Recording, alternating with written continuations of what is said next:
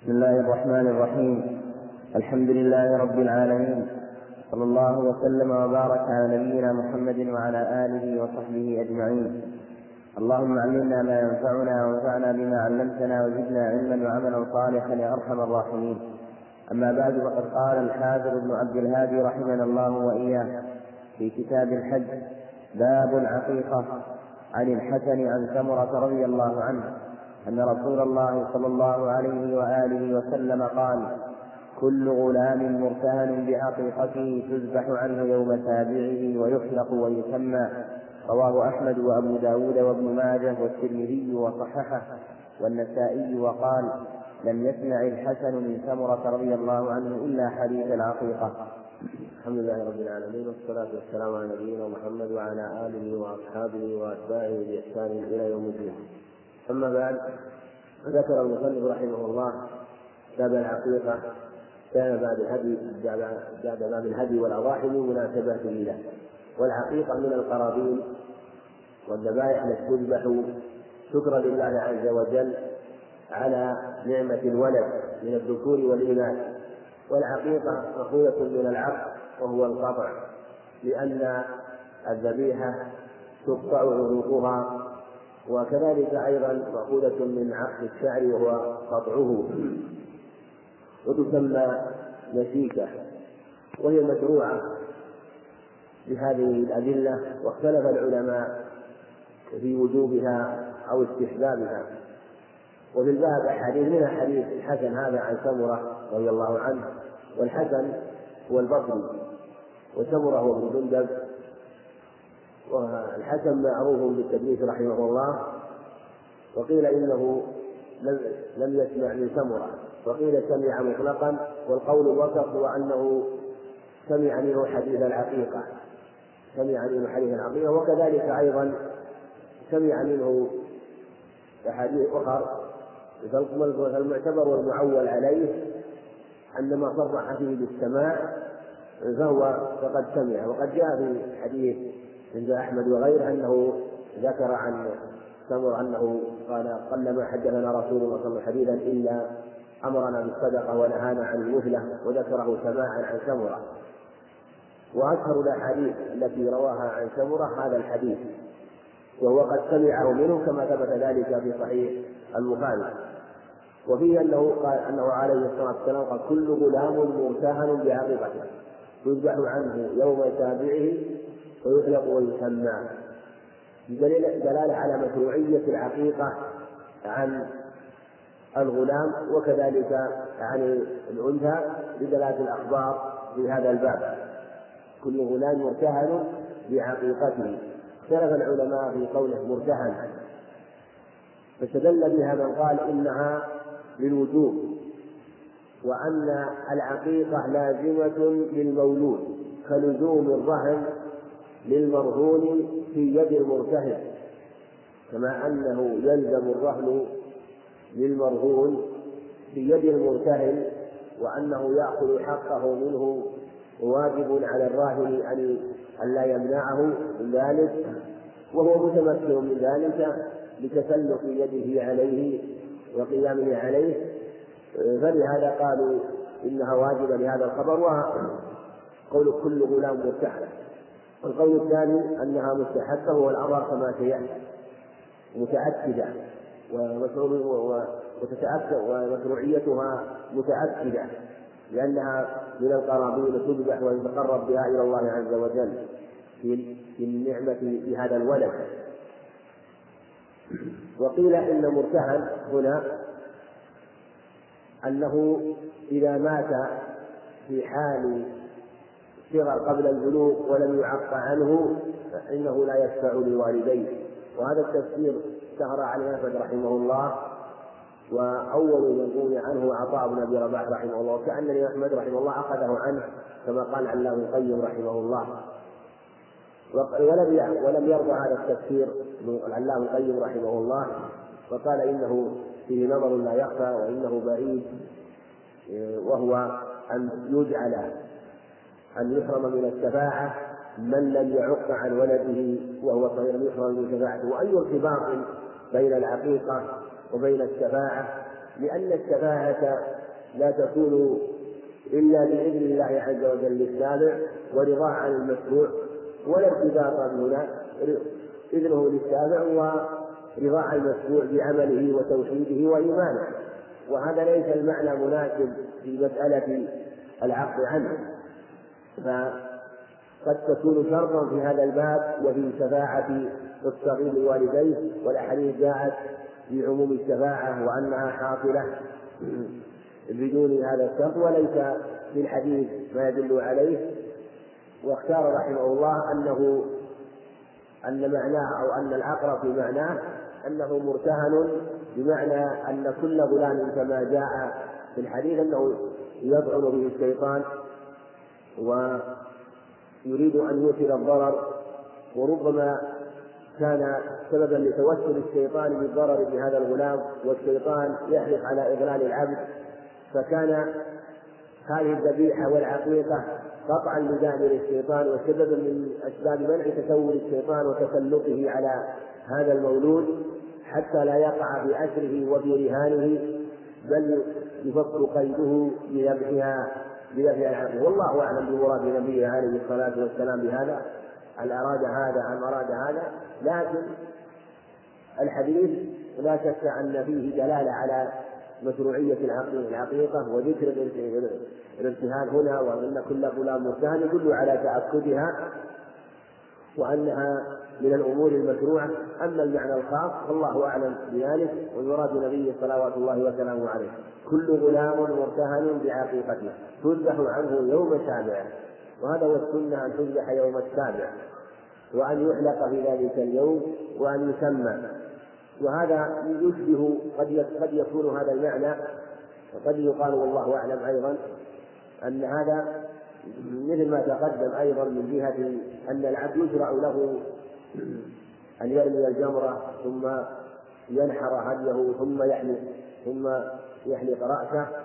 فكذلك أيضا في هذا الباب يتقرب إلى الله بهذه القربان فيذبح عنه يذبح عنه يوم السابع ويحلق ويسمى فتقرب بهذا القربان ثم حلق رأسه إذا أمكن ذلك أو قصه إذا كان ذلك لا يؤذيه وقد جاء ذكر الحلق أو ذكر التسمية في غير حديث في حديث عمرو بن شعيب عمرو بن شعيب عن أبيه عن جده عن عبد الله بن عامر العاص رضي الله عنه مع ذكر التسمية في اليوم السابع. وهو حديث لا بأس به. وجاء أيضا من حديث عائشة رضي الله عنها عند ابن حبان والحاكم أنه عليه الصلاة والسلام عق عن الحسن والحسين وفي اليوم السابع وسماهما. وذكر الحافظ أنه بإسناد صحيح. فهذه الأخبار تدل على أنه يسمى ويحلق ويذبح عنه ذلك اليوم. وأكثر الأخبار الصحيحة صحيحين ليس في هذا التقييد. وثبت أنه عليه كان يسمي الغلمان أول ما يولدون وهذا هو الذي جاء بالأخبار الصحيحة. وقال عليه الصلاة والسلام ولد الليلة لي غلام فسميته باسم أبي إبراهيم. سماه ليلته عليه الصلاة والسلام. وثبت أيضا في الصحيحين أن أبا موسى الأشعري أتى بغلام له ثم للنبي عليه الصلاة والسلام وسماه إبراهيم ولم يسأله عن الولادة والظاهر أنه كانوا يبادرون بالاتيان بصبيانهم مباشره كما في الصحيحين من حديث حديث كما في قصة أبي طلحة. صحيحين رواها أنس وروتها أيضا رواها أنس رضي الله عنه. قصة أنس صحيحين قصة أبي طلحة لما قصة ابنه المريض ثم لما قالت أم سليم لما سألها عنه قالت هو أهدأ ما يكون وكان قد مات فصنعت له ثم وقع بها ثم أخبرته قالت له أرأيت لو أن قوم استودعوا قوما وديعة ثم طلبوها أكان لهم أن يمنعوها؟ قال لا قالت احتسب الغلام فقام غضب رضي الله عنه وقال تركتني حتى تلصقت ثم أخبرتني. فدعا إلى النبي عليه السلام فأخبره بذلك فقال بارك الله لكم وفي ليلتكم ليلتكما. ثم بعد ذلك لما حملت رضي الله عنها ووضعت وأمرت انسا ان يأخذ الغلام وقالت منه ولا واذهب به إلى النبي عليه السلام ولا تؤتي به أو لا تطعمه شيئا حتى تأتي به النبي عليه الصلاة والسلام. فحمله مباشرة من ولادته مباشرة وجاء به إلى النبي عليه الصلاة والسلام فحنته ودعا له وكان من خيرة أهل العلم حتى ولد له عشرة من الولد كلهم قد طلبوا العلم. رحمه الله. كلهم درك في مباشرة له عليه الصلاة والسلام وتحليفه ودعائه. وجاء أيضا حديث في هذا المعنى حديث أسماء بن بكر أنها لما كانت مسلما فلما قدمت المدينة ولدت عبد الله بن الزبير فجاءت إلى النبي عليه الصلاة والسلام وسماه عبد الله. ثم قلنا أن الاحاديث الصحيحه كلها التي أكثر الاحاديث فيها التكليف بهذا غير هذا التكليف لكن يقال هذا جائز وهذا جائز ولا سواء سمى أول يوم أو بادر إلى تسميته وإما تأخره إلى التابع لهذه الأخبار فلا بأس. واختار البخاري رحمه الله وجها ترجمة حسنة في الجمع بين الأخبار وقال معنى رحمه الله إنه قال باب تسمية المولود غداة يولد إذا لم يعق عنه. إذا لم يعق عنه أو يعق عنه. فاختار هذا الجمع وقال إن المولود إذا كان سوف يعق عنه تؤخر التسمية حتى تكون مع العقيقة ويجمع بين التسمية والعقيقة والحلقة وإن كان لا يعق عنه فإنه يسمى مباشرة وأشار إلى هذا. وبهذا وهذا لا شك. يعني جمع بين الأخبار ويدل على أن من أراد أن يعق عنه أنه يؤخر بدلالة الأخبار وإخبار جيد يعني الحسن عن سمرة حديث عائشة وحديث حديث عبد الله بن عمرو وحديث عائشة رضي الله عنها تدل على هذا المعنى. فعل هذا إذا كان يريد أن يعق عنه أخره حتى يعمل بهذه الأخبار. وإن لم يكن إن لم يعق فهو مخيم إن شاء سماه وإن بادر بتسميته كان أفضل. لأنه كان يسمي عليه الصلاة والسلام الغلمان مباشرة وفي هذا دلالة أيضا إلى أنه العقل ليست بواجب أنه لم يقل أنه أمرهم بها عليه الصلاة والسلام. وجاء في هذا المعنى أخبار في هذا المقصود قال ويحلق ويسمى. وكما تقدم إذا كان الحلق لا يضره يؤخذ الشعر أو يقص ويسمى في اليوم السابع من يوم الولادة. اليوم السابع من يوم الولادة. نعم. وعن أيوب عن عكرمة عن ابن عباس رضي الله عنهما أن رسول الله صلى الله عليه وآله وسلم عق عن الحسن والحسين كبشا كبشا. رواه أبو داود والطبراني وإسناده على شرط البخاري لكن قد رواه غير واحد عن أيوب عن عكرمة مرسلا. قال أبو حاتم وهو أصح. وعن أم كرد الكعبية رضي الله عنها قالت سمعت رسول الله صلى الله عليه وآله وسلم يقول عن الغلام شاتان مكافئتان وعن الجارية شاه. رواه أحمد وأبو داود وهذا لفظه وابن ماجه والنسائي والترمذي وصححه. حديث ابن عباس حديث كما ذكر مسلم رحمه الله هذا على شرط البخاري لأنه من طريق عكرمة ورجاله كلهم رجال الصحيح. لكن لما أنه كان من طريق عكرمة فعكرمة أخرجه البخاري ولم يخرج له مسلم ولهذا قال على شرط البخاري. والحديث متصل صحيح والقاعدة عند أهل الحديث عند محقق أهل الحديث أن الحديث إذا جاء متصلا وجاء مرسلا والذي أرسله والذي وصله ثقة فالعبرة لمن وصل. العبرة لمن وصل ولمن أسند. وإن كان أسنده من أرسله من أرسله هذا هو الأغار في هذه المسألة. وفيه أنه عليه الصلاة والسلام عق عن الحسن والحسين كبسا كبسا دلالة على أنه ليس في العقيقة يعني لا يجب أن يعق عن الولد والده أو من ولي أمره. لا بأس أن يعق عنه غيره من الأجانب لكن بشرط أن يكون ذلك آه، بإذن صاحب من عليه أمر واجب إذا عق عنه. وقد يقال بالعموم من جهة أنها ذبيحة عن هذا المولود. فيحصل المقصود بالتقرب بها وبذبحها. فعق عن وفيه أيضا دلالة على أنه لا تجد لا يجوز لا تجب العقيقة لأن الرسول عليه السلام عق عن الحسن كبشا كبشا والمشروع والأفضل أن ينحر ويذبح عن الغلام كبشين كبشين وهنا عق عنه كبشا كبشا فدل لا بأس أن يذبح كبشا كبشا وأن من لم وكذلك أيضا آه، أنه إذا لم يتيسر له ذلك أو لم يجد ووجد شاة واحدة فلا بأس أن يذبحها. وهذا الخبر جاء في رواية عند النسائي من طريق قتادة أنه عق كبشين كبشين. ومحتمل أنه يحتمل أن يقال كبشا كبشا ليس المراد. يعني المراد أنه عق عن كل منهما. كبشا كبشا هذا عق عنه كبشا ثم كبش وهذا عق عنه كبشا ثم كبش أو يقال إنه وجد كبشا وتيسر كاسا عن كل واحد ثم بعد ذلك في يوم آخر ذبح كبشا آخر فيكون مجموع ما ذبح كبشان وبهذا يحصل ثبوت صحة الروايتين جميعا. فمن قال كبشا كبشا يعني أراد أنه ذبح كبشا ولم يذبح اثنين في أول أمر. ثم بعد ذلك لما تيسر كبش آخر ذبحه ويدعى لا بأس أن يذبح أن يفرقهما. وفي هذا دلالة على أنه أيضا إذا تيسر له واحد ذبحه وجاءت الأخبار أيضا بهذا المعنى بعدة أخبار عنه عليه الصلاة والسلام في ذبحه عن الحسن والحسين وأنه أخبر فاطمة بذلك وأنه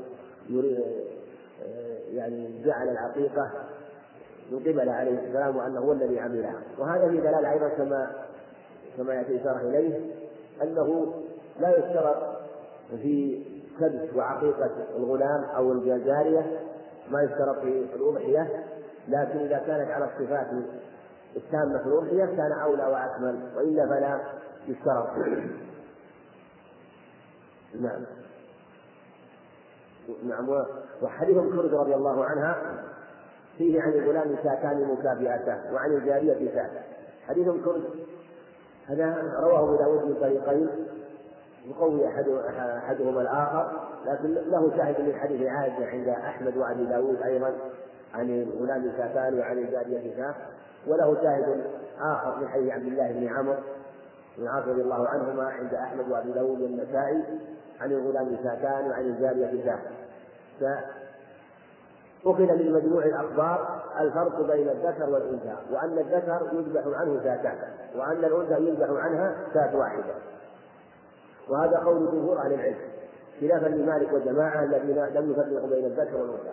وهذا أصح لدلالة هذه الأخبار ولدلالة الأدلة الأخرى والقواعد المستقرة في تضعيف الذكر على الأنثى في الشهادة وفي الإرث وفي العتق وما أشبهها مما فرق بينهما وجعل وجعل الذكر على ضعفين من الأنثى. وكذلك في العقيقة فعن الغلام شاتان تذبحان يعني يشرع أن يذبح شاتين وعن الجارية شاة في اللفظ الآخر لا يضر وفي في اللفظ الآخر في الكرس لا يضركم أذكرانا كن أم أم لأن العبرة أن تكون طيبة.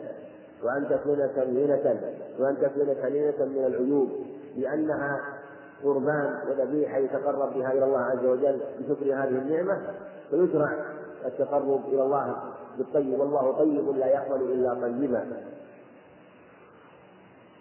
والأظهر أن الذبيحة في في العقيقة يتقرب بها كاملة فلا يجزئ فلا يجزئ شرك في دم. هذا هو الأقرب لأن المقصود منه هو التقرب إلى الله بما يذبح وما يتقرب به وهذا لا يحصل إلا بإراقة الدم فعلى هذا من أراد أن يذبح من يذبح من أراد أن يذبح بعيرا سواء كان جملا أم ناقة أو يذبح من البقر فإنه يذبح كاملة بشرك بسبع بقرة وسبع بدنة بخلاف الأضحية لأنه لم يأتي دليل على إجزائه في باب العقيقة. إنما هذا ورد في باب الأضحية وعلى هذا يكون الأظهر أن العقيقة ليست كالأضحية. فلو أنه ذبح شاة هي أقل من ستة أشهر مثلا من الضأن أو أقل من سنة من المعز فالأقرب أنها تجزئ لأن الأحياء أطلقت ولم تقيد في باب العقيقة. بل ذكرت عن الغلام شاتان وعن الجارية شاة والشاة الشاة تشمل جميع أنواع تشمل الضأن والماعز وتشمل الصغير وتشمل الكبير يسمى شاة يسمى شاة. لا والأحوط في هذا والأحسن أن يجتهد في أن تكون قد بلغت السن بخلاف جماهير أهل لأن جماهير أهل العلم يرون أنه لا بد أن تكون قد بلغت السن الواجب في الأضحية هذا هو قوله. والقول الثاني في المسألة أنه يجزئ لإطلاق الأخبار في هذا الباب. ثم هنا مسألة أيضا في الذبيحة في العقيقة والذبيحة. أنها هل تفوت إذا فات اليوم السابع؟ ذهب مالك الجماعة إلى أنها أن حدها اليوم السابع، فإذا فات اليوم السابع سقط مشروعيتها، وذهب جمهور العلم إلى أنها لا تبطل، لا قبل وأنه يجوز لا بأس أن يضحي بل يشرع يشرع له أن يذبح العقيقة ولو بعد اليوم السابع، ولو ذبحها قبل اليوم السابع أجزاء، لكن السنة أن تكون في اليوم السابع إذا كان يسميه في اليوم السابع يعني ويسميه. به ولو تأخرت عن اليوم السابع فالأظهر أنها لا تسقط لأنه وقت وقتها الأفضل والأكمل وليس شرطا فيها. إنما هو هو الأكمل أن تذبح في هذا اليوم بدلالة هذه الأخبار. والأظهر أنها لا تسقط بذلك. ولهذا قال عليه الصلاة والسلام في نفس الحديث قال ويسمى. فتذبح عنه يوم سابعه ويسمى. مع أنه جاء في الأحاديث الصحيحة أنه سمى غلمانا سماهم قبل اليوم السابع. فدل الخبر أيضا على أن ما قرن بالتسمية وهو العقيقة أيضا حكم حكم التسمية لأنها قرنت معها فإذا دل الخبر على جواز التسمية قبل اليوم السابع فكذلك فيما يظهر أيضا العقيقة حكمها كذلك. لأنها القصد من التقرب فلا تسقط بفواته وينبغي العناية بأن تكون في اليوم السابع. وأيضا إضافة إلى الأدلة السابقة في العقيقة وأنها ليست واجبة حديث عبد الله بن عون عاص أيضا من ولد له مولود أو غلام فأحب أن ينكت عنه. قال فأحب. فدل على أنه فوكله إلى المشيئة والمحبة فدل على أنه ليس بواجب وإلا لم يحسن فيه التخيير الواجب ليس فيه تخيير فلما خير دل على أنها أن العقيدة ليست بواجبة كتاب الصيد والذبائح. عن الزهري عن أبي سلمة عن أبي هريرة رضي الله عنه قال قال رسول الله صلى الله عليه وآله وسلم من اتخذ كلبا إلا كلب باشيه أو صيد أو زرع انتقص من أجله كل يوم قيراط قال الزهري فذكر لابن عمر رضي الله عنهما قول أبي هريرة رضي الله عنه فقال يرحم الله أبا هريرة كان صاحب زرع نعم. هذا الخبر عن أبي هريرة أو كتاب الصيد والذبائح. فالصيد وهو له أحكامه وكذلك قرن معها الذبائح لأنها لأن حكمه متقارب. وذكر مصنف قدر مصنف في الباب حديث أبي هريرة في النهي عن اتخاذ الكلاب. إلا في كلاب خاصه من جهة مناسبته للباب. من اتخذ كلبا إلا كلب صيد أو مات نقص من عمله كل يوم قراءه فذكر لابن عمر قول أبي هريرة فقال يرحم الله أبا هريرة كان صاحب دار أشار بذلك إلى أنه صاحب زرع ويعتني بضبط ما كان من شأنه لأن الإنسان في الغالب يعتني بضبط الشيء الذي يشتغل به. فأبو هريرة ذكر الزرع وكأن ابن عمر يعني استنكر هذا لكن أبا هريرة ذكر الزرع وأن كلب الزرع مستثنى لأنه كان صاحب زرع فاعتنى به وضبط وهذا الخبر لم يدرك به أبو هريرة بذكر الزرع بل رواه البخاري عن سفيان بن أبي زهير. وفيه أيضا ذكر الزرع ورواه مسلم من حديث الله بن مغفل وفيه ذكر الزرع بل إن ابن عمر نفسه ذكر الزرع في رواية عند مسلم. فكأنه والله أعلم أخذه عن أبي هريرة ورواه عن أبي هريرة أو أنه ذكر بعد ذلك الحديث وكان قد نسيه وذكره عن النبي عليه الصلاة والسلام. في دلالة على أنه لا يجوز اتخاذ الكلاب وتربية الكلاب إلا من استثني لأنه قال من اتخذ كلبا إلا كلب زرع أو ماشية أو صيد بلفظ لا يغني عنه زرعا ولا ضرعا. يعني ماشية. إلا نقص من عمله كل يوم قيراط وهذا لا يكون إلا بأمر محرم. وإن كان لم يذكر فيه أنه آثم وأنه إنما ذكر نقص الأجر فنقص الأجر لا يكون إلا من عمل سيء إلا من معصية. يعني لا ينقص من عمله كل يوم قراء إلا من مقارنة المعصية ولهذا جاءت عدة أخبار في إحباط بعض العمل ونقصان بعض العمل لمقارنته بعض المعاصي مثل العبد الآبق وأنه لا تقبل له صلاة حتى يرجع ومثل شارب الخمر إذا شرب أربع لم تقل له صلاة أربعون يوما. وأخبار في هذا المعنى اقترن فيها عدم القبول واقترن فيها ذهاب بعض الأجر وكثير من الأجر لمقارنته معصية فدل على أنه آه، أن المعصية لا أثر في سقوط في في بعض الأعمال ربما أحبطت بعض الحسنات فيما يقابلها. وهذا يدل على التكذيب لهذا وأنه لم يحدث هذا العمل أو لم ينقص منه هذا الأجر إلا لمقارنته بالمعصية.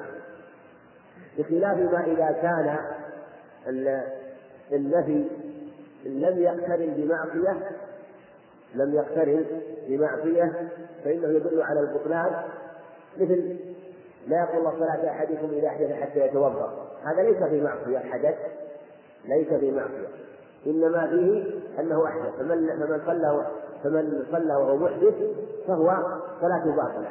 لكنه لم يقال معصية إلا إذا صلى عالما عامدا وهو يعلم الحدث فإنه يكون اقترن بمعصية. ففيه دلالة على أنه لا يجوز اتخاذ الخلاف إلا لهذه الأشياء الثلاثة.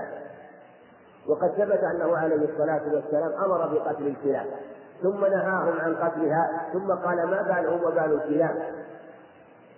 وقال في لولا أن الكلاب من الأمم أمرت بقتلها ثم قال ما بال الكلاب فنهوا من قتلها إلا الأسود البهيم.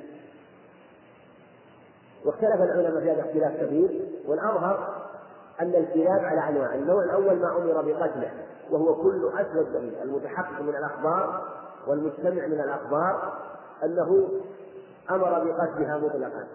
ثم نهى عن قتلها واستثنى الأسود البهيم. الأسود البهيم. وبقي اسمان كلب الصيد والزرع والضرع وغيرهما غير هذه الأشياء مما ليس أسود مما ليس أسود بهيما. فالقسم الأول هو الأسود البهيم هذا يشرع قتله. القسم الثاني كلب الصيد والزرع والضرع فهذا لا يجوز قتله للمنفعة والمصلحة فيه. وإن كان لا يجوز بيعه ولا يجوز بيع القسم الثالث ما سوى هذا. ليس كلب صيد ولا زرع ولا ضرع وليس أسود بهيم هذا هل يجوز قتله؟ الأظهر أنه لا يجوز قتله إلا إذا حصل منه أذى لأنه عليه السلام نهى عن قتل أمر بقتلها ثم نهى عن قتلها واستثنى هذا. والاستثناء من الذي إثبات دل على لا يجوز قتل جميع لا يجوز قتل الكلاب إلا ما استثني. إلا ما استثني. وأن المستثنى منه من نوع نوع نوع لا يتعرض له مطلقا لأنه ينتفع به ونوع إذا ونوع ليس في هذه المنفعة فهذا اختلف العلماء فيه والأظهر أنه عند الحاجة إلى قتل يقتل إذا عند الحاجة إلى قتل يقتل أما لو حصلت الأذية بالكلب والضرر جاز قتل الجميع. وفي هذا أن كلب أن المستثنى كلب الماشية وكلب الصيد وكلب الزرع. لكن هنا في قول كلب الماشية أو كلب الصيد وكلب الزرع هل المراد به مع كلب الصيد الذي يصاد به بالفعل أو يصاد به بالفعل والقوة؟ يعني عند إنسان عندك كلب الآن لكنه ما يصيد هو كلب صيد وش يظهر به في هذه المسألة. عنده كلب صيد لا يصيد به وهو كلب صيد. هل يقر عليه أو لا يقر؟ مو بيصيد الآن لا يصيد الآن لا يصيد لأنه ماذا؟ كلب صيد. ولأنه نعم في جواب آخر لأنه معد لذلك. لأنه معد لذلك. ما دام أنه معد للصيد ففي هذه الحالة نقول لا يقتل يعني أنه يجوز اقتلاؤه. لكن إذا كان صاحب الكلب هذا ترك الصيد مطلقا وأعرض عنه أعرض على الصيد في هذه الحال نقول لا تقتني أنت فعليك أن تعطيه سحبه لمن ينتفع به. لكن لو كان هو أعده للصيد ولا يصيد الآن لكنه يقول لحاجته ربما أصيب بعد ذلك وقد أحتاج نقول لا بأس بذلك. لأن المراد أنه يكون كلب صيد ولو لم يكن يصيده يصيد بالفعل. ومن ذلك أيضا أنه يجوز تربية الصغير من الكلاب لأجل أن يعلم على الصيد ويتدرب على الصيد. فلا بأس لأن لا يحصل تعليمه وتدريبه إلا بذلك. فإذا كان اتخذه لأجل تربيته وتعليمه لأجل تعليمه على الصيد وتدريبه عليه فلا بأس. وما كان طريقا لأمر مباح فهو مباح. نعم. قال لي رسول الله صلى الله عليه وآله وسلم إذا أرسلت كلبك فاذكر اسم الله عليه فإن أمسك عليك فأدركته حيا فاذبحه وإن أدركته قد قتل ولم يأكل منه شيئا فكل وإن وجدت مع كلبك كلبا غيره وقد قتل فلا تأكل فإنك لا تدري أي أيهما قتله وإن رميت بسهمك فاذكر اسم الله فإن غاب عنك يوما فلم تجد فيه إلا أثر سهمك فكل إن شئت. وإن وجدته غريقا في الماء فلا تأكل. متفق عليهما واللفظ لمسلم. وله عن أبي ثعلبة رضي الله عنه عن النبي صلى الله عليه وآله وسلم قال إذا مرت إذا رميت بسهمك فغاب عنك فأدركته فكله ما لم يمكن. نعم. حديث عدي في صيد بالكلب.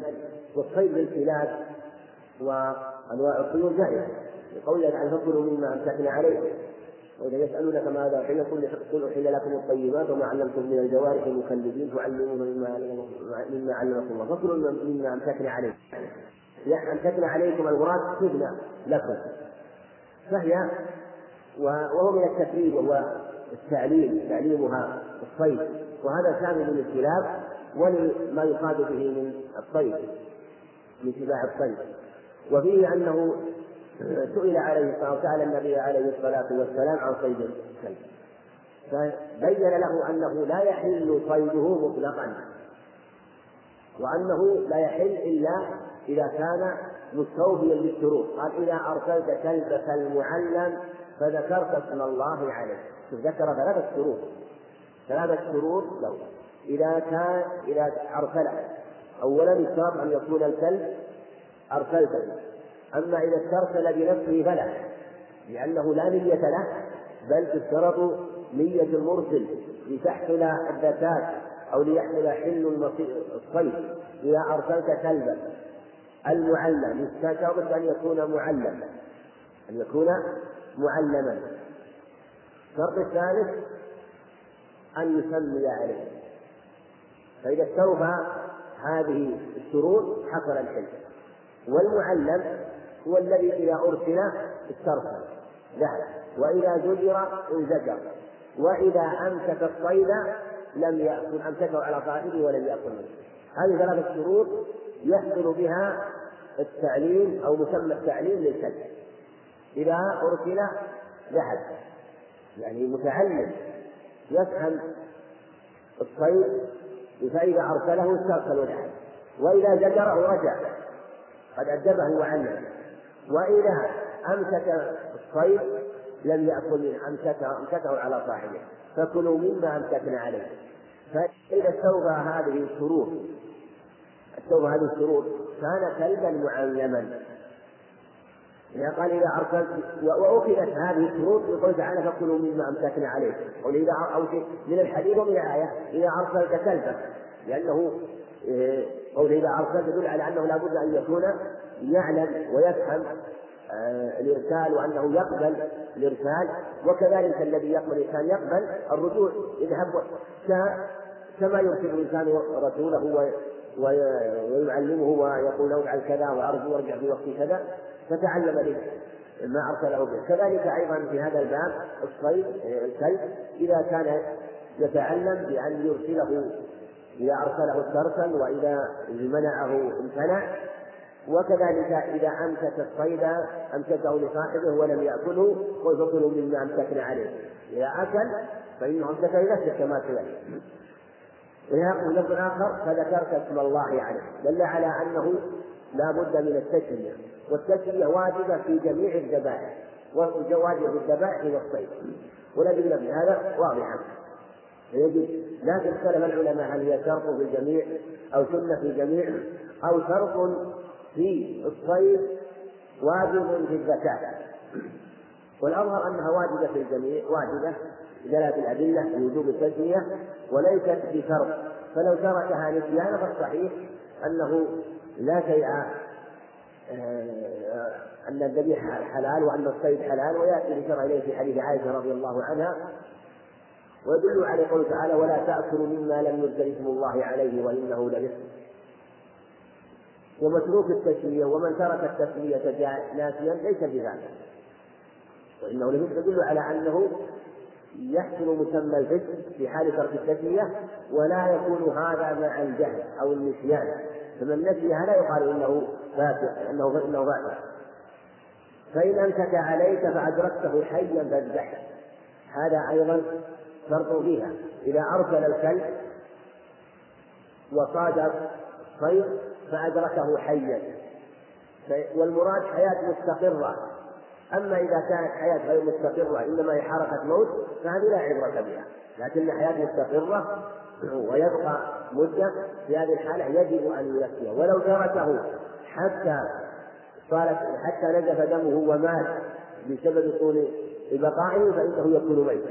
لأنه حياة مستقرة ويمكن فيها أن يزكى بكل يسر وسهولة في هذه الحالة يجب أن يزكيه لأنه الآن أصبح مقدورا عليه ولأن الصيد حل بصيد الكلب آه، لأنه غير مقدور عليه. وهذه قاعدة في غير المقدور عليه أنه يصاد كيفما تيسر فلما قدر عليه أشبه آه، سائر ما يذكى والمقدور عليه من جميع أنواع الحيوانات مما يحل بالزكاة مما يحل بالزكاة يجب تزكيته ولا يجب أن يقتله على غير طريقة الترك إذا كان مقطوع عليه. ولهذا قال فأدركته حيا فاذبحه وإن أدركته قد قتل فهو حي لأنها لأنه ذكي الآن.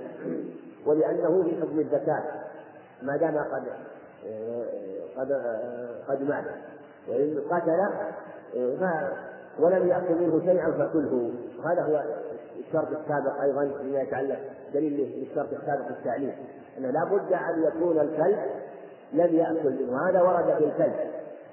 فإن أكل منه فإن أكل منه فلا يحل ويأتي الإشارة إليه في حديث آه، عبد الله بن عون العاص أو في حديث ومعنى في حديث ثعلبة رضي الله عن الجميع إذا أكل هل يحل أو لا يحل والخلاف في هذا؟ وإن كان قاعدة متقررة أنه لا يحل إذا أكل لأنه إذا صاد الصيد وأكل منه فإنه أمسك على نفسه. هذا فيما إذا أدركه حيا لكن لو أنه يعني أدركه وهذا هذا يمكن يأتينا في مسألة السهم في صيد السهم وفي الرمية فيما إذا رماه وقطعه. لكن لو أنه صاد الصيد الكلب ثم أمسك به وقطع منه قطع رجله أو يده وجاء أو قطع منه قطعة ثم أدركه وقد مات وقد قطعه قطع الكلب منه قطعة وش حكم الصيد هنا في هذه الحالة؟ وش حكم الصيد؟ من أدرك الصيد ثم قد آه، قطع منه شيئا وانفصل منه والصيد ميت وش حكم المقطوع الآن؟ نعم. حكم حكم مقطوع الميت يعني لا يؤكل ما أبين من حي ما أبين من حي فهو ميت. كل ما أبين من حي فهو ميت. نعم هذا هو مثل ما يأتي في مسألة الرمي بالسهم. إذا رمى سهمه ثم أبان منه عضوا أبان منه عضوا فإن المبان ميت. إلا في مسائل مثل إذا أبانه وهلك وكان الهلاك هو الإبانة في حال واحدة. هذا يأتي أنه يكون ذكيا جميعا. وإن, وجد كلبا مع كلبه إذا أرسلت الكلب ووجدت معه كلبا آخر في هذه الحالة ما يأكل. ما يأكل. إذا إذا كان قد قتل. في العلة العلة لأنك لا تدري أي أيهما قتل هل هو الكلب؟ كلبك أم الكلب الثاني؟ والأصل تحريم الذبائح هذا الأصل. الأصل في الذبائح التحريم. عدم الحل والأصل في الأبضاع التحريم. هذا الأصل في الأبضاع والأصل في الذبائح التحريم. ولهذا جعله عليه الصلاة والسلام فإذا أرسلت الكلب. ثم وجدت الصيد قد هلك. وأنت لا تدري. وجدت الكلبين عند الصيد. ولا تدري أيهما قتل. يقول إن الصيد لا يحل. لماذا؟ لأنك لا تدري هل قتل كلبك أم كلب الكلب الآخر. لكن لو كان أرسل عليه كلبان إثنان أرسلا كلبا على صيد وقتلاه جميعا. وش الحكم؟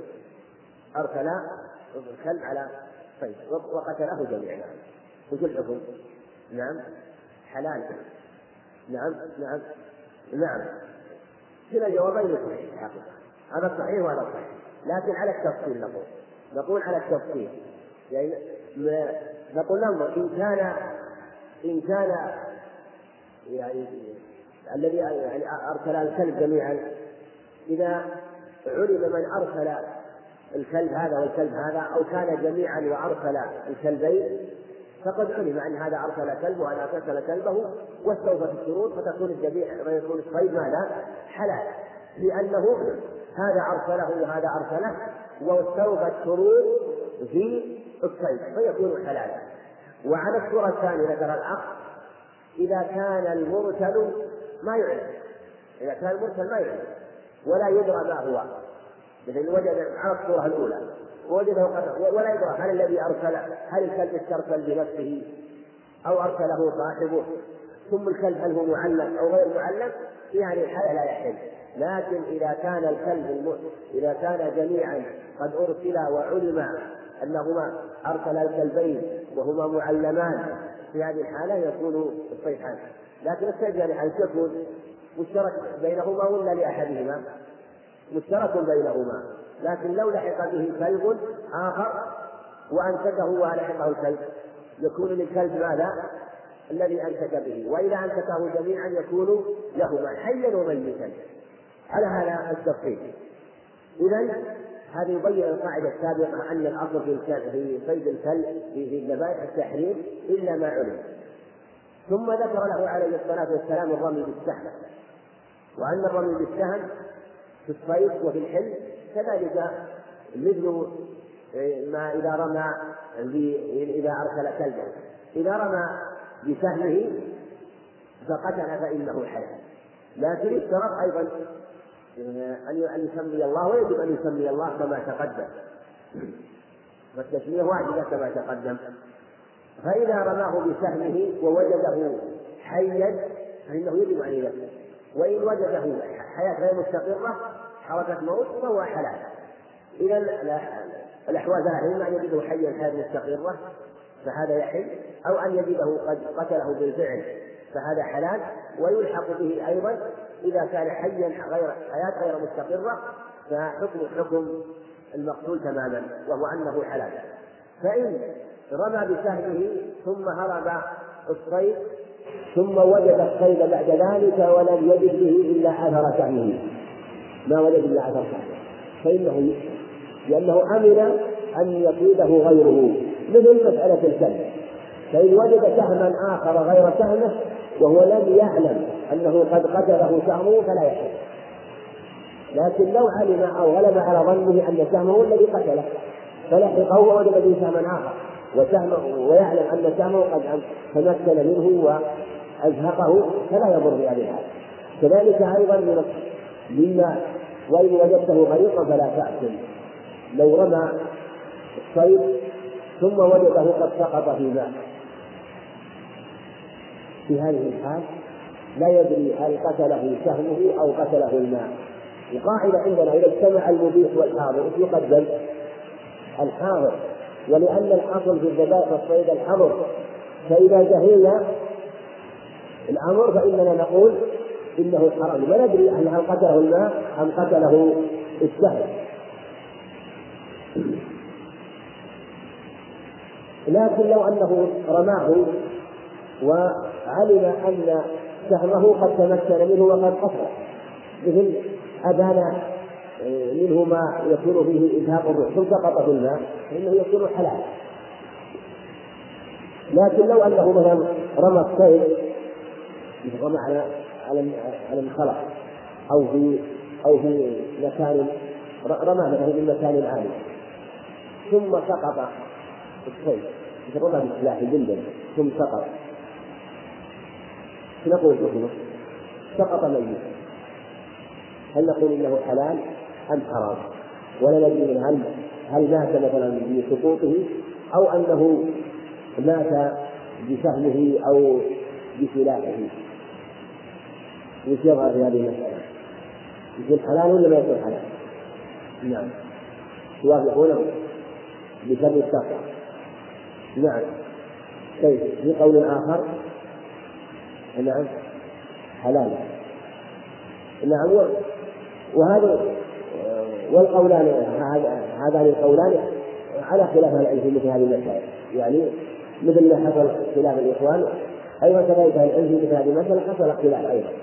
منهم من قال انه يحرم مثل ما سبق وانه سقط وأنه يكون آه، ليسه بسبب هذه السقطه وقيل إنه حلال. لكن أظهر والله أعلم أن في هذه الحال ينظر إن كان إنه لا يمكن تفادي سقوطه. مثل أن يرميه مثلا في نخله مثلا أو في شجره وفي الغالب لا يتفادى السقوط والقاعدة أنه إذا كان الشيء لا يمكن قتله إلا بهذه الطريقة فإنه يحل ويكون حلالا. وهذه قاعدة أيضا في الصيد.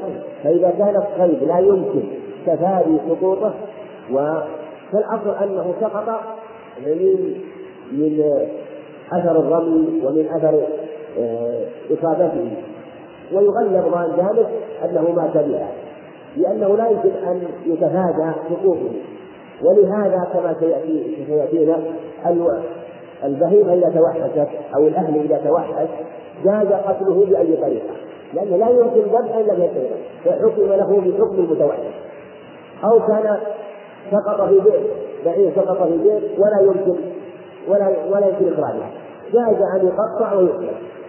ما يمكن إخراجه الحي لا هذا يقطع من رجل وهذا يقطع من سلامه وهذا يقطع من هنا ويأكلون الحمد لله حلال. ذكي. لماذا؟ لأنه ما يمكن تنفيذه إلا بهذا. مثل البعير الناس كما سيأتينا يرمى أو بعض ما يتوحد من الحيوانات العليمة فإنه لا تكون زكاة إلا منها كذلك أيضا في هذه المسألة. الذي تعلم أيضا قيد في مسألة الرمي بالسهم وأنه إذا غاب عنه فيأكله ما لم يمكن في لفظ آخر ما لم يأكل. دل على أن هناك شرط آخر إذا رماه بسهمه ولم يجد إلا أثرا غير سهمه وسهمه قد قتل. ووضح ذلك لكن وجده متغيرا وجده منزلا اختلف العلماء هل يجوز أكل المنزل أم لا يجوز؟ ظاهر الحديث أنه لا يأكله.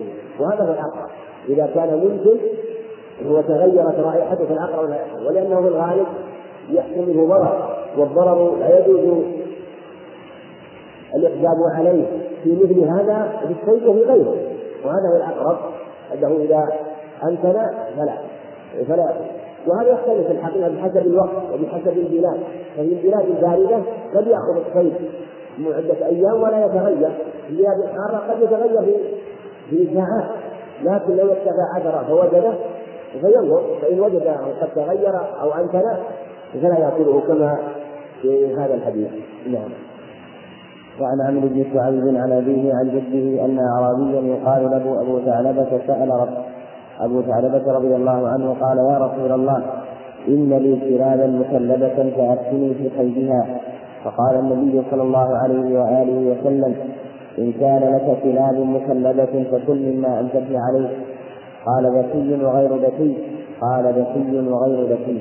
قال وإن أكل منه. قال وإن أكل منه. قال يا رسول الله أفتني في قوسي. قال كل ما ردت عليك قوسك.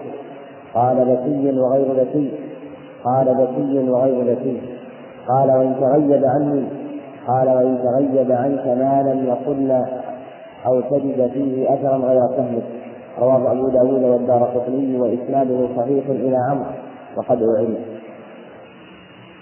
لا الله يكل لو لم تأكل لكن ليس انفراد يكل يمكن انه يضم نعم الحديث عمرو بن شعيب هذا في صيد الكلاب وكما تقدم في حديث عدي بن حاتم رضي الله عنه وفيه أنه قال إن لي كلابا مكلبه يعني معلمه فاسكن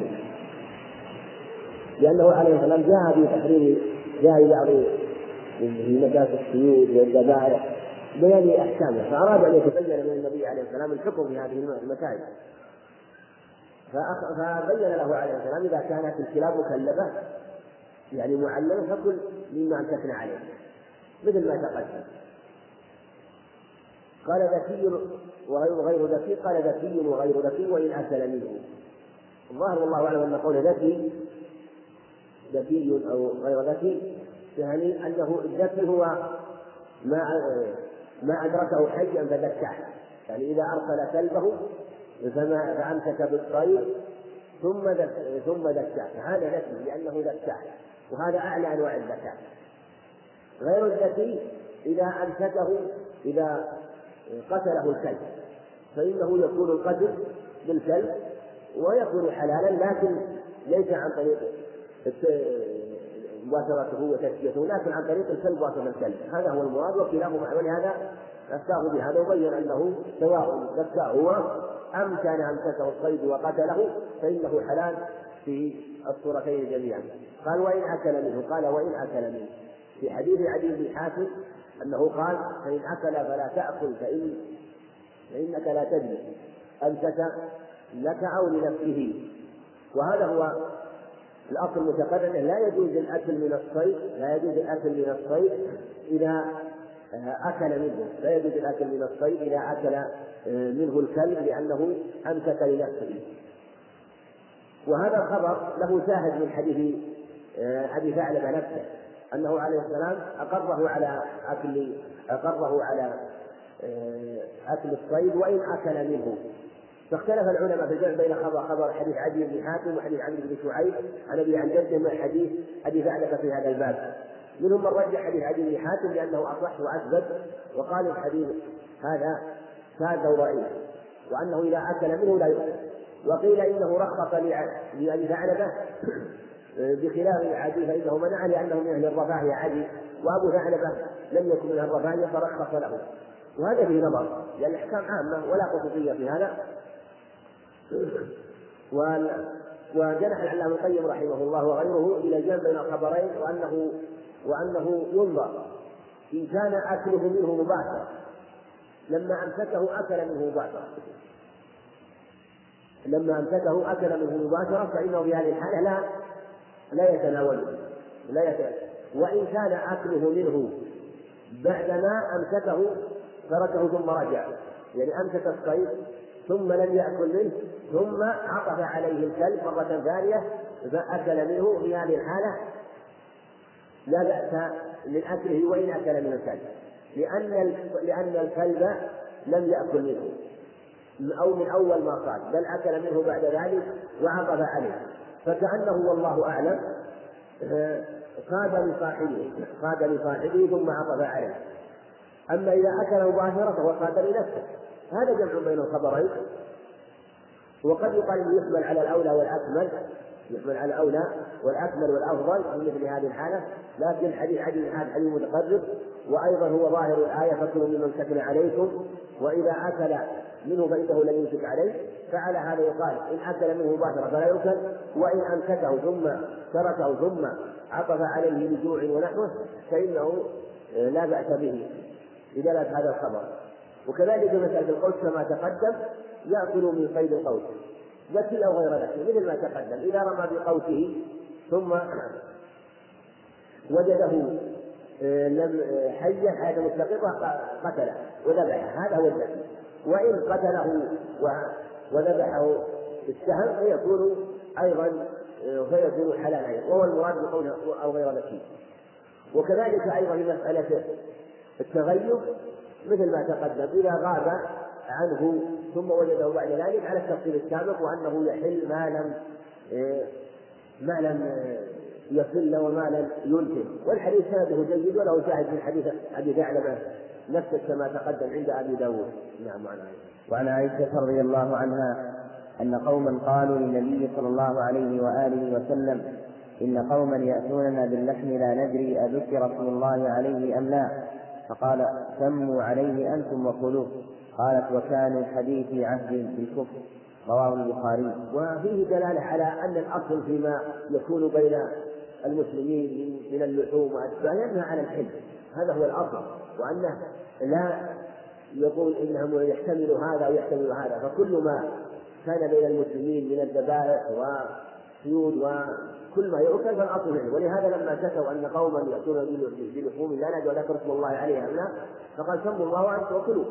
قال وكانوا حديث كانوا حديث عهد بكفر وإن كان حديث عهد بكفر لأن الأصل هو الحل والأصل هو السلامة والأصل هو حل الذبيحة ما دام ذابحها مسلم ودام الذي قدمها مسلم وأرشدهم عليه الصلاة والسلام إلى ما يعمل قال سموا الله أنتم وكلوا. واستدل بهذا بعض العلم إلى أن التسمية ليست بشرط لأن لو كانت شرطا لم تسقط عند الشك فيها ولو كانت شرطا لم تنب عنها التسمية عند الطعام. دليل إلى بهذا الأمر. والأظهر مثل ما تقدم ليس بشرط لكنها واجبة وأنه يشرع أن يسمي عند عند الأكل ولهذا في حديث عائشة من نسي أن يسمي الله في أوله فليقل بسم الله أوله وآخره. وكذلك جاء في حديث عند أبي داود إذا جاء الرجل إذا دخل المسلم على أخيه المسلم وقدم طعاما فليأكل منه ولا يسأل عنه. لأن الأصل في ذبيحة المسلم وفي طعام المسلم هو الحل وإن ورد في نفسه ما ورد فإنه يبني على اليقين في مثل هذا. إلا إذا كانت الذبيحة في إذا كانت الذبيحة في بلاد قوم كفار فالأصل فيها التحريم. إذا كانت عند قوم كفار الأصل فيها التحريم وعدم الحل. ولهذا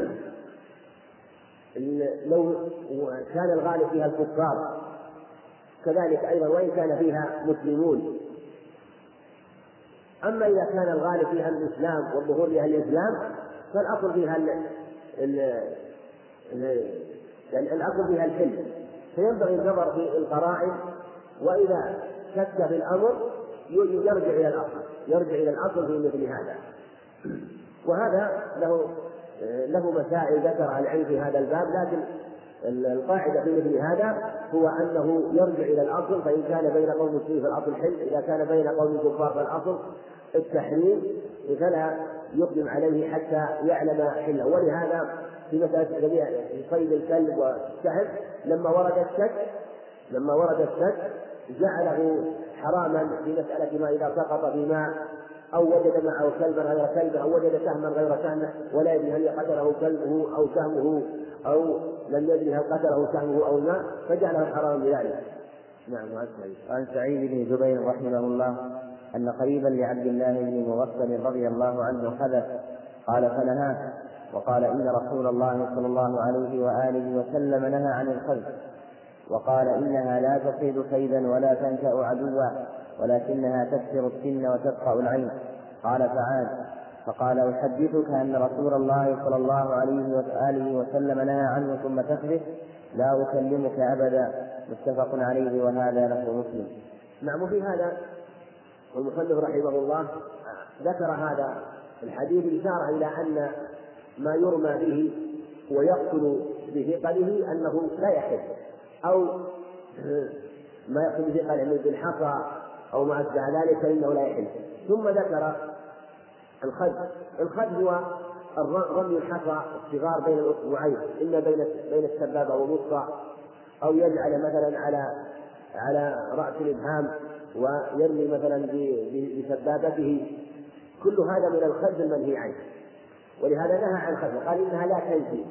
مثلا لا تنفي من النكاية وهي المبالغة في الضرر. لا تنفي عدوا إنما تكسر السن وتسقط العين. هذا هو ضرره ولهذا نهي عن الخد مطلقا وكثير الناس ربما استعمل الخد. والخد منهي وإذا كان بين الناس وبين القوم ويترتب ضرر فإنه محرم. لكن إذا كان في برية أو أو إذا كان لحاجة لا بأس إذا يخلفها إلى مكان بإشارة لحاجة على وجه لا ضرر فلا بأس به. أو كان الخبز مثلا في مكان في برية فالأظهر أنه لا بأس به لأنه علل أن تكسر السن وتفقه العين فإذا انتفع توهم الضرر منها في كسر السن وفقد العين ليس عند أحد فلا بأس. وإن كان بين أناس أو بين قوم فإنه منهي عنه مطلقا. ودائر بين التحريم والكراهة إلا ما يكون موضع حاجة فلا بأس به على وجه لا يقع فيه الضرر.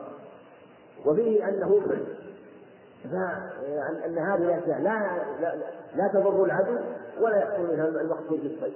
فلا تبلغ الضرر في العدو والمقصود من استخدام السلاح في مثل ومثل استخدام الخادم أن يكون في منفعة إما منفعة خاصة لنفسه لأكله لصيد يأكله أو يبيعه أو يكون في ضرر في العدل في الكفار فإذا انتفع هذا وهذا ما الفائدة يكون من العبث وفي الغالب أن هذا العمل يترتب عليه ضرر. وما كان وسيلة إلى ضرر أو ربما يتوسل به إلى الضرر وإن لم يحكم في تلك الحال لكن يحكم منه. فالشريعة تسد الطرق القريبة التي تكون مفضية إلى المفاسد. لكن لا تسد الطرق التي تكون بعيدة الإفضاء لأن الشيء إما أن يفضي مباشرة مثل شرب الخمر يفضي إلى الإسكار هذا حرام مطلقا. وكذلك أيضا شرب القليل من المسكر حرام وإن لم يسكر لأنه يفضي إلى الإسكار لكن أكل العنب لا يفضي إلى الإسكار ولا توهم الإنسان قال ما لا أبي العنب لأن قد اتخذ. نقول لا. أن يفضي إليه إفضاء بعيد إفضاء بعيدا. وما كان إفضاؤه بعيدا الشرع لا يأتي به. إنما يأتي بتحريم وسد الطرق والوسائل التي تفضي مباشرة إلى المحرم أو تكون قريبة إليه أو تتخذ وسيلة إليه أو يكون. أما إذا كان لا يفضي إليه غالبا فلا. لا يفضي إليه غالبا. إلا إذا كان الذي لا يفضي إليه غالبا علم أن صاحبه أخذه لذلك. مثل علمت أن الذي يشتري العنب يتخذه خمرا فإنه يحرم لأنه من حق تبين لك أنه يفضي إليه. أما إذا جهل الأمر في هذا وفي غيره فالأصل أن الشارع لا يشد مثل هذه الأشياء. ولهذا شرع أمورا وإن كان فيها بعض المفاسد لأن مصالحها عظيمة وإن كانت تفضي إلى مفاسد يسيره ولهذا الجهاد فيه قتل النفوس وفيه من الشدة والعنت ما فيه لكن فيه مصالح عظيمة. فالشارع شرعه وجاء ندب إليه وحث عليه. بما فيه من نصر الدين وقتل أعداء الدين وقتل الكفار وإعلاء كلمة الله. فكان في هذه المصالح عظيمة. فشرع وإن كان في ضمنه بعض المفاسد فيما يتعلق بقتل النفوس وإزاقها لكنها في سبيل الله. فكذلك أيضا مثل هذا فإنه يحرم فإنه دائر بين التحريم والكراهة لإفضائه في الغالب إلى الضرر. ولهذا ذكر المصنف رحمه الله لأنه لا يحصل به المقصود من قتل السيف. وبهذا استدل بعض العلم أن ما آه، قتل بثقله فإنه لا يحل.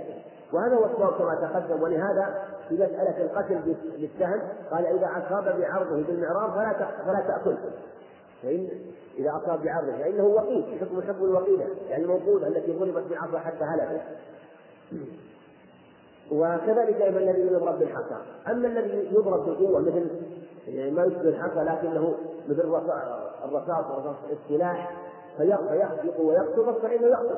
ولهذا البندق التي تذبح وتقتل وتخفق اللحم يحل أكلها على الصحيح.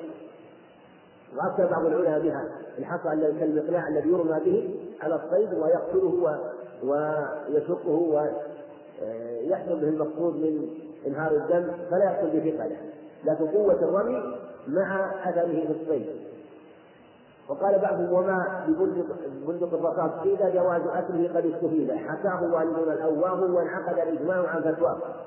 فذكر بعض العلم أنه حصل خلاف لكن اتفق العلماء على ذلك أنه إذا رماه ثم قتل وحصل له أنه خزقه وشقه فإنه يحل ولله الحمد. نعم. وعن عبد الله بن بن عباس رضي الله عنهما أن النبي صلى الله عليه وآله وسلم قال: لا تتخذوا شيئا فيه الروح غرضا وعن جابر رضي الله عنه قال نهى رسول الله صلى الله عليه وآله وسلم أن يقتل شيء من الدواب صبرا رواهما مسلم. نعم وهذا الحديثان لهما شواهد ثبت في الصحيحين من حديث أنس لو نهى عن صبر الدواب ومن الصحيحين من حديث عمر أنه رأى قوما شبابا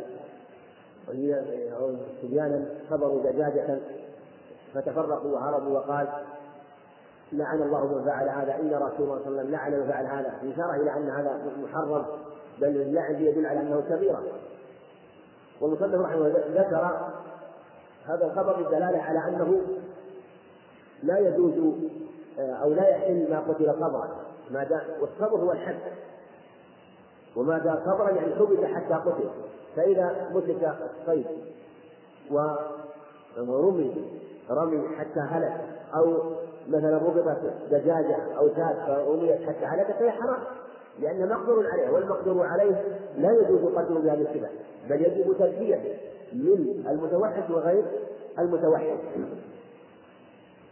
وفيها دلالة على أنه لا يجوز أن يتخذ غرض يعني ينصب غرض من ذوات الأرباح من ذوات الأرواح ويتسلى برميه بالسلاح أو بالحصى فإن فيه تعذيب الحيوان فيحرم. نعم.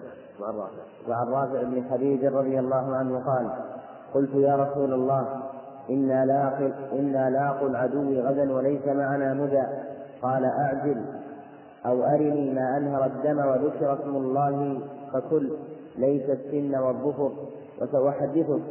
أما السن فعظم وأما الظفر فمدى الحبشة قال وصلنا نهب إبل وغنم فلد منها بعير فرماه رجل بسهم فحبسه. فقال رسول الله صلى الله عليه وآله وسلم إن لهذه الإبل أوابد كأوابد الوحش فإذا غلبكم منها شيء فاصنعوا به هكذا. متفق عليه واللفظ لمسلم.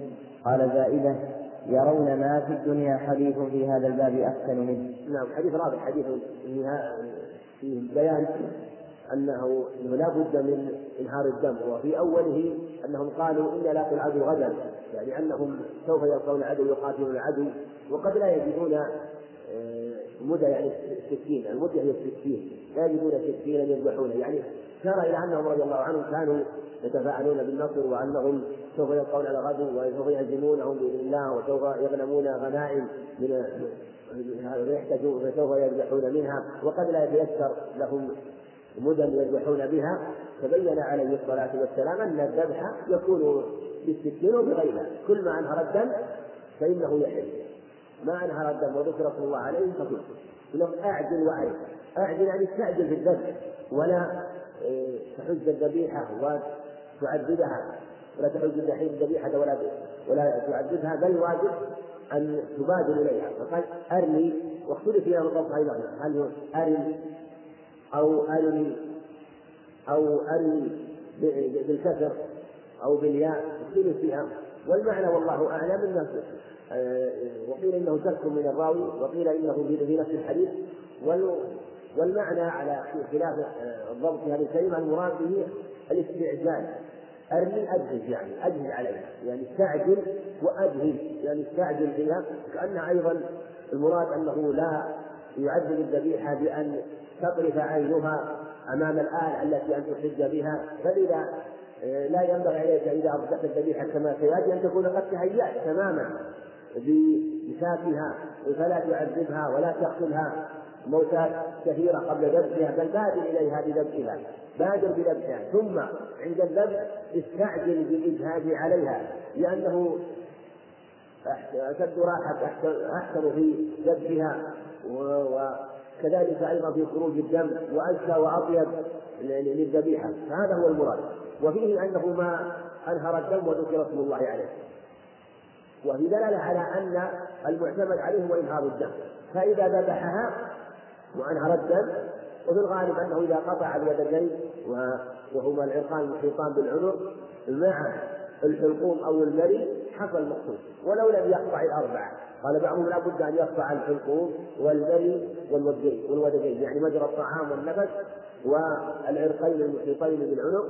وآخرون ذهبوا إلى أنه يكفي إزالة الدم فإذا وفي الغالب أنه يحصل بقطع الحلقوم مع آه، أو مع أحد مع العروق مع العروق المحيطة بها مع الودجين فإذا قطعهما ولو لم يستكمل أربعة فإنه يجزي على الصحيح.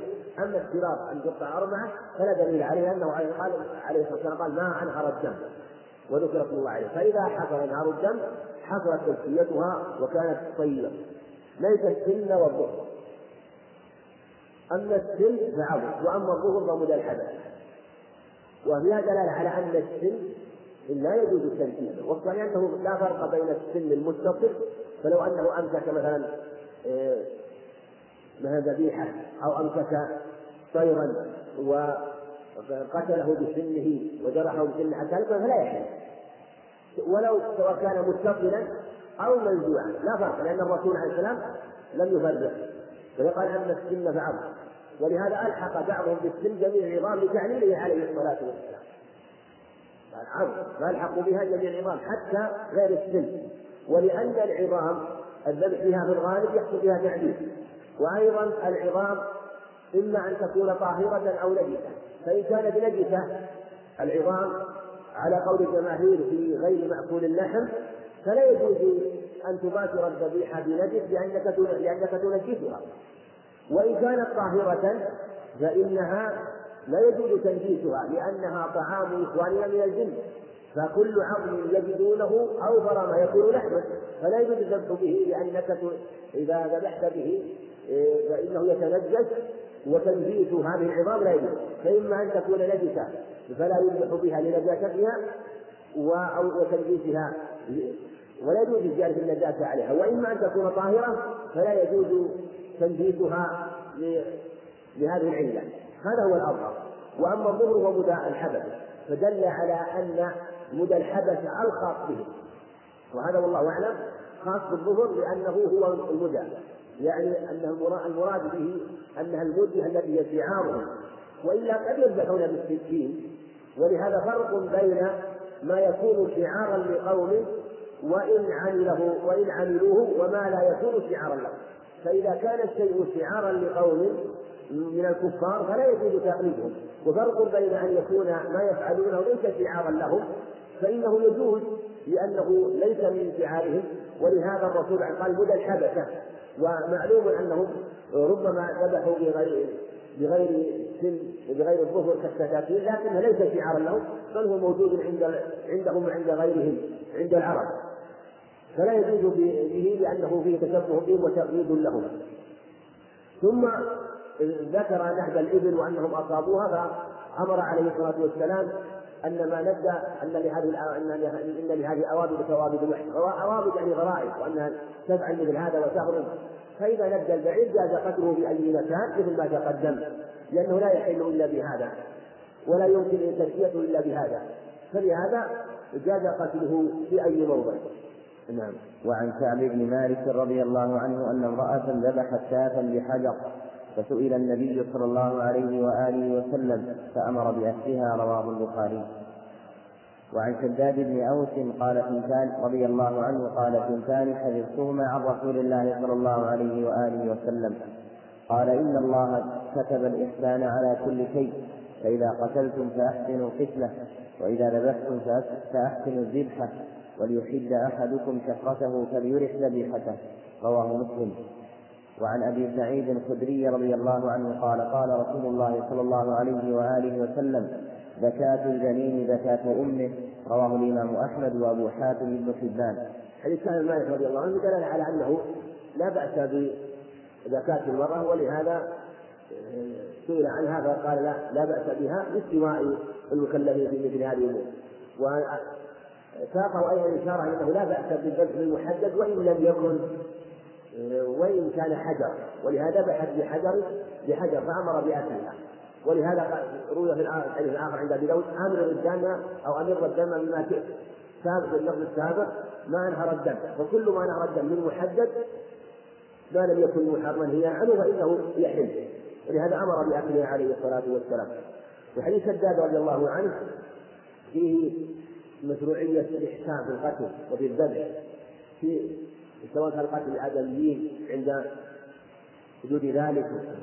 وكذلك أيضا في الذبائح. فإذا قتلت فأحسن قتله وإذا ذبحته فأحسن ذبحه وليحد أحدكم ثمرته وليرح ذبيحته وهذا الواجب. إحداد الثمرة لكن لا أن تحدث الثمار عندها بل يجب أن توارى عنها لأن هذا فيه تعذيب لها. إذا حد الثمرة فإنه يكون أريح لها وأحسن لها. وليرح ذبيحته. وأن يمسكها بيدها بيده اليسرى وأن يضع رجله على صفحة عنقها وأن يمسكها حتى تخف حركتها وحديث أبي سعيد الخدري رضي الله عنه أن زكاة الجليل زكاة أمه. زكاة مبتدأ الجليل زكاة الجليل و وهو مضاف إلى الجليل وابتدأ هنا بالنكرة لتخصصه بالإضافة. زكاة أمه خبر. خلافا لمن قال إن زكاة زكاة الجنين زكاة أمه فنصبه على المصدر. وقال المعنى أنه زكى زكاة أمة والصواب أنه المراد زكاة الجنين زكاة أمه. يعني مثل زكاة أمه. وهذا الحديث له شاهد من حديث جابر رضي الله عنه أيضا في سنة أبي داود. هو حديث صحيح. وما يدل عليه أنهم سألوا عن عن الجنين سألوا عن أكل الجنين وسألوه حيث قال يا رسول نذبح الناقة. قرأ فنجد في بطنها الجنين أو الولد. فقال عليه السلام أفنأكله؟ سألوا عن الأكل ما سألوا عن زكاة. فقال زكاة الجنين زكاة يعني أنها مثل زكاة أمه أو أن أن زكاة أن زكاة أن زكاة الجنين أن زكاة أمة تقوم مقام زكاة. هذا المراد أن زكاة ليس المراد مثل زكاة. أمه أن زكاة أمه تقوم مقام زكاته وأنها تكفي عنه. ولهذا قال زكاة أمه. ويدل عليه مثل ما تقدم سألوه عن أكله فأمره بأكله عليه الصلاة والسلام. ويدل عليه أن زكاة كل شيء بحسبه والجنين في بطن أمه كجزء من أجزائها كيدها وكبدها فلما أنه كان تحصل الزكاة لأجزائها بذبحها كذلك أيضا للجنين تحصل زكاته لزكاة أمه. وأيضا مما يدل عليه أن زكاة كل شيء بحسبه. والجنين لا يقدر عليه إلا بهذه بهذا الطريق. ولا يمكن أن يزكى إلا بهذا الطريق. ولهذا إذا كان المستأنس إذا توحد ولا يمكن ذبحه إلا برميه في أي مكان فالجنين الذي لا يقدر عليه إلا بذبح أمه فزكاته بهذا الحسب فزكاة كل شيء بحسبه فالمقدور عليه ذبح من الموضع مع الحلق واللذة وغير المقدور عليه يذكر كيفما كيفما تيسر.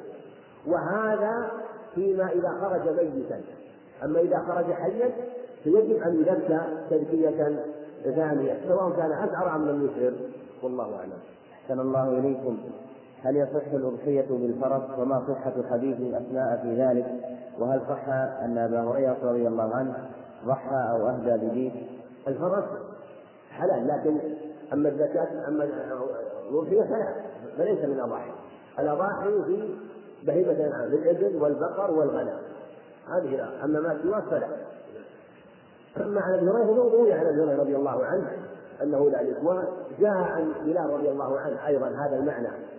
عن عند عبد الرزاق المصنف جاء عنه رضي الله عنه أنه قال ما أحب أن أزكي أو أحب أن أزكي بديك فأجعله في فقير أو مسكين. فجاء عنه وجاء عن أبي هريرة وهذا اجتهاد منهم رضي الله عنه في في هذا الباب والأظهر أنه لا تشرع بل لا تشرع تزكيه بغير بهيمه الأنعام.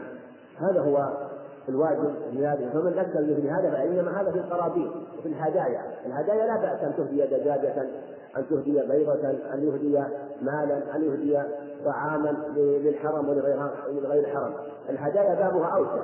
أما الضحايا فلا تجوز إلا فيما جاءت النصوص فيه كما تقدم كتاب الأطعمة عن مالك عن إسماعيل بن أبي حكيم عن عبيدة بن سفيان. نعم عبيدة كل الرواة في الكتب الستة كلهم عبيدة إلا اثنان عبيدة بن سفيان عبيدة بن عمرو السلماني عبيدة بن الحميد كلهم إلا عبيدة بن الأسود وعبيدة بن معسكر بالضم. وما سوى عبيدة كلهم بالفتح نعم عبيدة بن سفيان. عن عبيدة بن سفيان عن أبي هريرة رضي الله عنه عن النبي صلى الله عليه وآله وسلم قال كل ذي ناب من السباع فأكله حرام. وعن ابن عباس رضي الله عنهما قال نهى رسول الله صلى الله عليه وآله وسلم عن كل ذي عن كل ذي ناب من السباع وعن كل ذي مثلب من الطير رواهما مسلم. نعم. ساق المصنف رحمه الله هذه الأخبار في كتاب الأطعمة والأطعمة الأصل فيها الحل لكن هو عليه الصلاة والسلام جاء ببيان بعض ما يحرم أكله ولهذا لما قدم له لحم الضب كما سيأتي. قال بعض أزواجه عليه الصلاة والسلام ميمونة قال أخبروه به. فلما أخبروه أنه لحم ضب كف يده عليه الصلاة والسلام فلم يأكل. وأخبر أنه قال ليس من طعام قومي أو ليس بأرض قومي. ويروى في لفظ أنه تحضرني من الله حاضرة. لفظ قال إني أجدني أعافه فهذا يدل على أنه في ذلك الوقت كانت علمت رضي الله عنها أن بعض الأطعمة أو, أو بعض ما يؤكل جاء لتحريمه فخشية أن يكون منه فلهذا أمرت أن يخبر حتى يتبين حكم لحم الضب لأنه جاء بتحريم أشياء صلوات الله والسلام عليه. وهذا الخبر عن مالك عن مالك إسناده صحيح. وقد رواه مسلم كما ذكر المصنف رحمه الله. وأنه عليه الصلاة والسلام قال كل ذي ناب من السباع فهو حرام أو فأكله حرام. كل ذي ناب من السباع فأكله حرام. وفي معنى حديث ابن عباس الآخر الذي بعده وزادكم عن كل ذي مخلب من الطير. ولهما شاهد صحيحين عن أبي ثعلب أنه عليه الصلاة والسلام نهى عن كل ذي ناب من السباع. عن كل ناب من السباع وبهذا أخذ جمهور العلماء في تحريم ذوات الأنياب من السباع وقالوا إن أكلها حرام. وكذلك عن كل ذي مخلب من الطير. فكل ما له ناب من السباع فأكله حرام نفس هذا الحديث. وخالف بعض أهل العلم في هذا لكن معتمد على ما دل عليه هذا الخبر. ثم اختلفوا في بعض أنواع الحيوانات لكن كل ما علم أن له ناب فإنه حرام.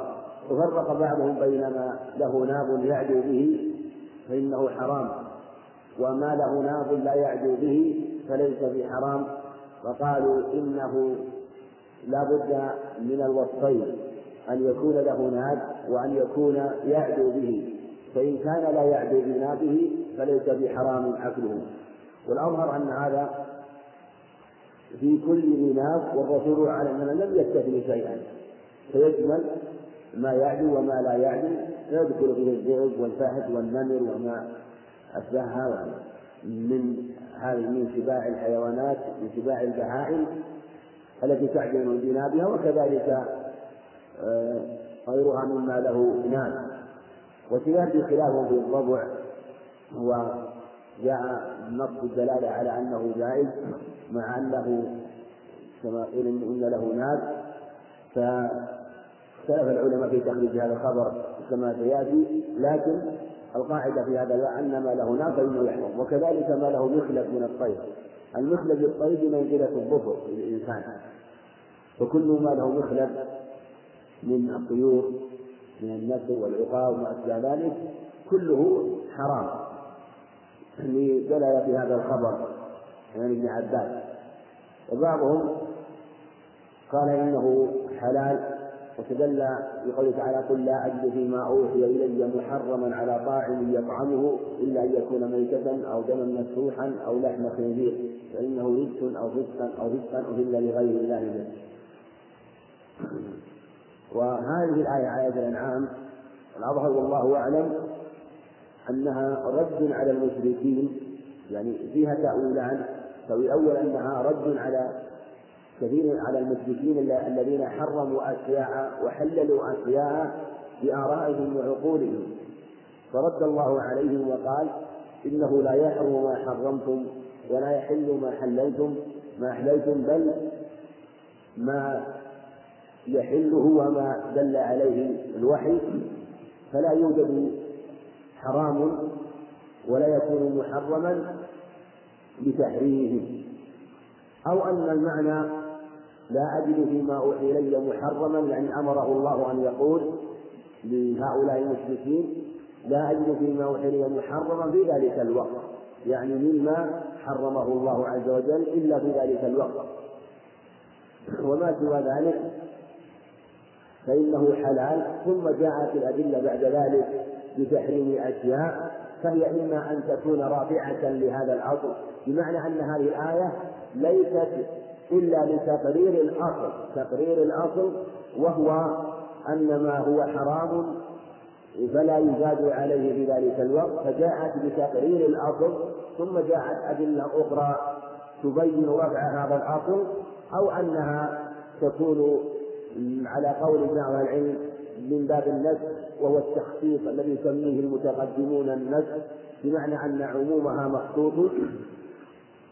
وجاءت الأدلة ببيان أشياء حرمت زيادة على هذا. وكلا التأويلين واضح في في معنى الآية. والمقصود أن أن ما دل على هذا الخبر من تحريم كل ذي من السباع وكل ذي مخلب من الطير. والمراد بمخلب من الطير ما له يعني الذي يعني ليس إذا جاءت الأدلة بأن بعض الطيور حلال وإن كان لها المخالف لكن المخلف في لغة العرب لا يستعمل في الطير ولا يذكر إلا فيما يعدو به ويصيد به في سباع الطير. وما لا وإن وما لا يعدو به إنما يتخذه للحفر وللدفع أحيانا فإنه لا يسمى مخلب أما الناس فإنه يسمى ناب على كل حال. فلهذا لا يدخل مثلا أنواع الطيور وما وما أشبه ذلك مما لها مما لها ما يشبه مخالب هذه هذه اتباع الطير. بل إنها حلال. ولكن النصوص على هذا واضحه والله أعلم وصلى الله وسلم وبارك على نبينا